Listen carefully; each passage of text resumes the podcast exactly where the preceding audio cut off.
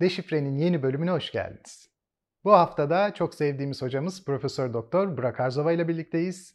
Her zaman olduğu gibi yayınlarımızı Satoshi TV'nin YouTube kanalından ve Satoshi Radyo'nun podcast yayınlarından takip edebilirsiniz.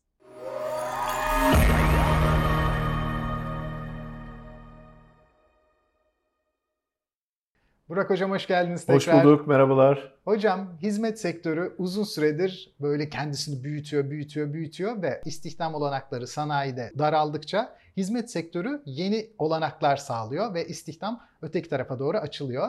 Böylece boşta kalan bir sürü kişi başka bir şekilde ekonomiyi büyütüyorlar. Hizmet sektörünü nasıl tanımlarsınız?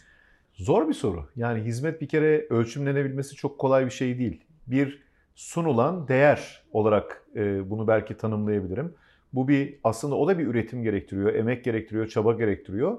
Ama çıktısını ölçümleyebilmek çok kolay değil. Çünkü hizmetten faydalanan herkese göre değişen bir geri dönüşle karşılaşıyorsunuz. Ama dediğiniz gibi o kadar büyük bir alanı ortaya koyuyor ki artık. Örneğin gene otomobil sektöründen ben bir e, örnek vermek istiyorum. Şimdi otomobil sektöründe makineleşme çok yoğun, robotlar, Yeni hele özellikle elektrikli otomobillerde artık çok az e, gerçekten fiziki kas gücü kullanılıyor, üretiliyor. Fakat bunlar üretildikten sonra onların servis alanlarına baktığınızda örneğin fabrika dünyanın bir yerinde diyelim ki Hamburg'da üretiyorsunuz ya da Türkiye'de Gemlik'te üretiyorsunuz. Bunu dünyanın birçok ülkesine satıyorsunuz ve oralarda hizmet ağı kurmak zorundasınız. O hizmeti sağlayacak olanlar insanlar olarak tekrardan hizmetler sektöründe çalışıyor oluyor. O nedenle istihdam alanı çok geniş. Ve dediğiniz gibi o kadar yeni alanlar yaratıcılıkla ortaya çıkıyor ki aslında ne kadar çok şeye ihtiyacımız olduğunu ve hayatımızın ne kadar kolaylaştırıldığını hizmetler sektöründeki yeni çıkan sektörlerle görüyoruz ve yaşıyoruz. Hizmet sektöründe sanırım bir performans ortaya konuluyor. Tabii. Çünkü yüz yüze gelen iki kişi var ve o an alınan hizmet bir performans olarak anlık olarak alınıyor.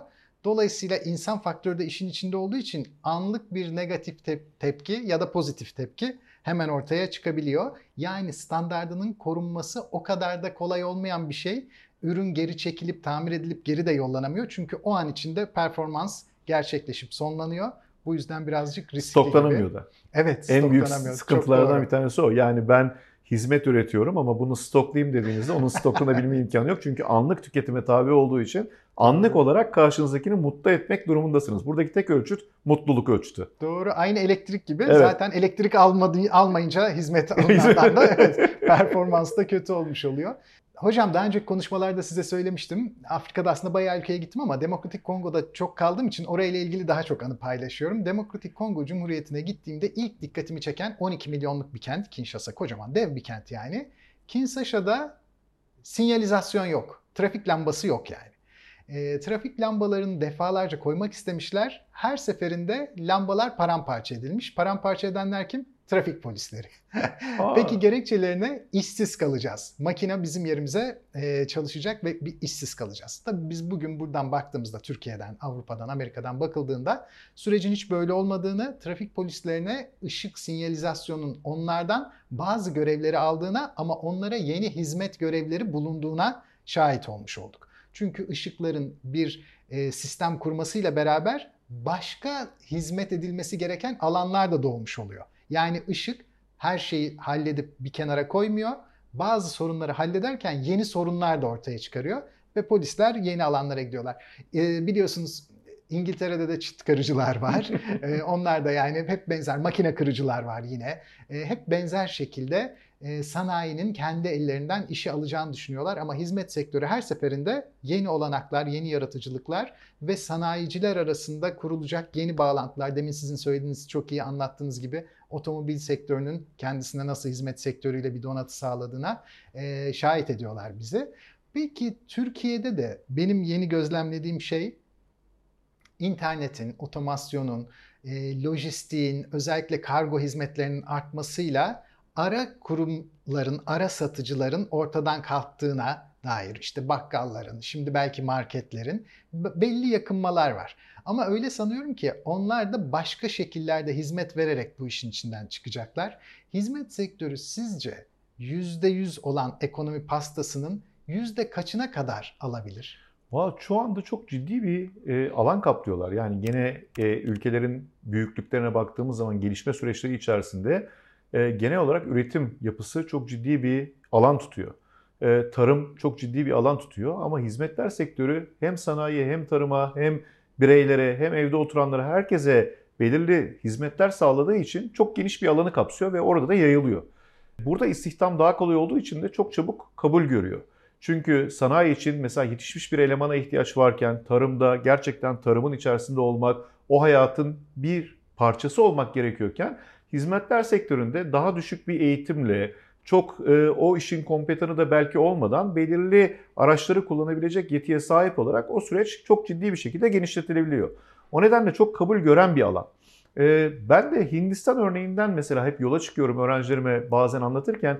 Hindistan'da da insanlar çalışma yerlerine gittikleri zaman sıcak yemek ihtiyacı duyuyorlar ama şirketler onlara yemek vermiyor ve evlerinden yemek getirmek de zor olduğu için çünkü o uzun çalışma saatlerinde onları sıcak tutamadıkları için sadece yemek taşımacılığı yapan kuryeler var. Yani işe gidiyorsunuz, sizin sefer tasınız var. O sefer tasınızın üzerinde isminiz yazıyor. O sefer tasını size getiriyor evinizden. Evdeki e, o yemeği yapan hanım çalışıyorsa eşi, eşi çalışıyorsa hanımı, o yemeği yapan kimse yemeği yapıyor. Daha sonra sefer tasını alıp tekrar eve getirip götüren böyle kuryeler var. Dolayısıyla bu da bir ihtiyaçtan doğuyor. Aslında hizmetler sektörü tam anlamıyla ihtiyaçtan doğuyor. Ya da eğer o ihtiyaç yoksa o ihtiyacın varlığı hissettirilip ya da ortaya konulup o ihtiyaç hemen dolduruluyor.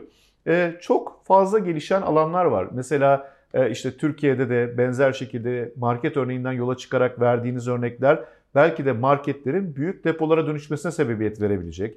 Ya da bakkalların bir konsolidasyon çerçevesinde birbirleriyle birleşmelerine sebebiyet verebilecek ya da e, başka alanlardaki hizmetler aslında yok ettiği gibi gözüken sektörlerin başka sektörlerde onların temel girdisi olmasına imkan tanıyabilecek bir yapıyla ilerleyecek. Ama insanlar çok haklı olarak işlerini kaybedecekleri korkusuyla o hizmetin önüne geçmek ya da onu engellemek istiyor olabiliyorlar. Rakip o hizmeti sunanlar sizin önünüze geçebileceklerinizi hissettiğiniz zaman onu ya kural koyucular üzerinden engellemeye çalışarak ya da onun başka performanslarını etkileyerek o hizmetin verdirilmemesi yoluna gidebiliyorsunuz. İşte bizim ülkemizde bunun çok örneklerini görebiliyoruz. Hindistan deyince benim aklıma şunu getirdiniz hocam. Ee, Arman Kırım zamanında yazmıştı böyle bir kitap. Ee, orada örnek vermişti. Hatta Türkiye'ye öyle bir yönelim e, öğütlüyordu. Hindistan'daki call center'ları örnek veriyordu. Amerika'nın çoğu şirketinin muhasebe kayıtları ve call center çalışanları Hindistan'da lokal olarak o bölgede istihdam ediliyor. Yani call center'lar da orada, muhasebe binaları da orada, çalışanlar da Hintli ve e, aradaki saat farkı yüzünden de gündüz yapılan bütün işlemleri onlar geceleyin yani e, bu tarafı oranla geceleyin muhasebe kayıtlarını hallediyorlar, bitiriyorlardı.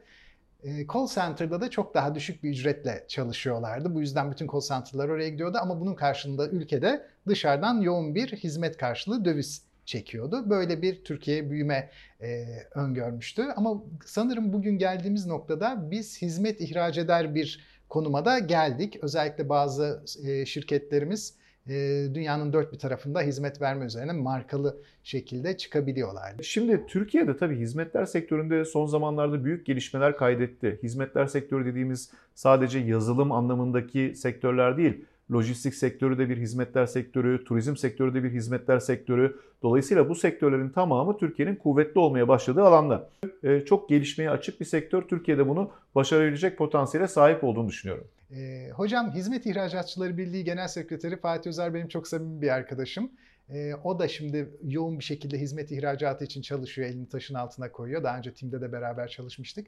Sizce Türkiye'nin hizmet ihracatında yeni şansları olabilir mi? Veya daha önce var olmayan yeni hizmetler üretmede Türkiye mahirlik gösterebilir mi? Çünkü sanırım birkaç kez öyle şeyler gösterdi. Evet evet yapabilir. Yani çok ciddi şekilde yeni alanlarda Türk insanının kıvraklığı var. Bir kere onu söyleyebiliriz. Ekonomi e, belki çok istediğimiz gibi gitmiyor ama o dinamiklik ülkenin her yerinde var. Bir de sonuçta hizmeti genellikle yeni hizmetleri sunduğunuzda kabul edenler çoğunlukla gençler olduğu için burada bir deney yapabilme imkanınız da var. Aa, çok doğru, yani bu evet. bu aynı zamanda dünya piyasalarına çıkmadan önce burada onu uygulayıp daha sonra dünyaya açılma imkanınız var. Dünyaya açılan çok ciddi hizmet markalarımız var. Evet. Bunlar dünyanın birçok yerinde faaliyet gösterdiklerinde gurur duyarak bakıyoruz.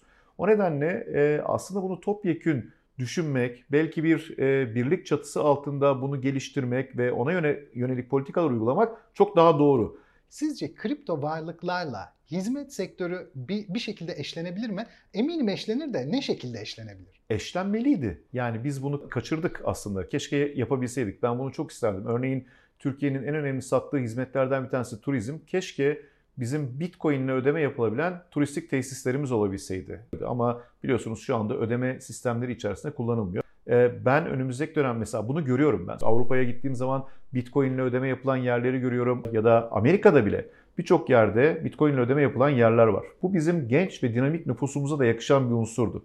Bunu yapabildiğimiz ölçüde de ayrışabilirdik.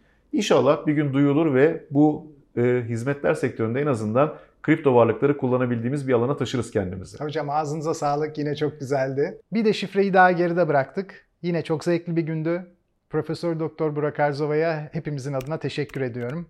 Eğer sizler de müteşekkirlikte benimle hemfikirseniz kanalımıza abone olabilirsiniz. Hoşçakalın.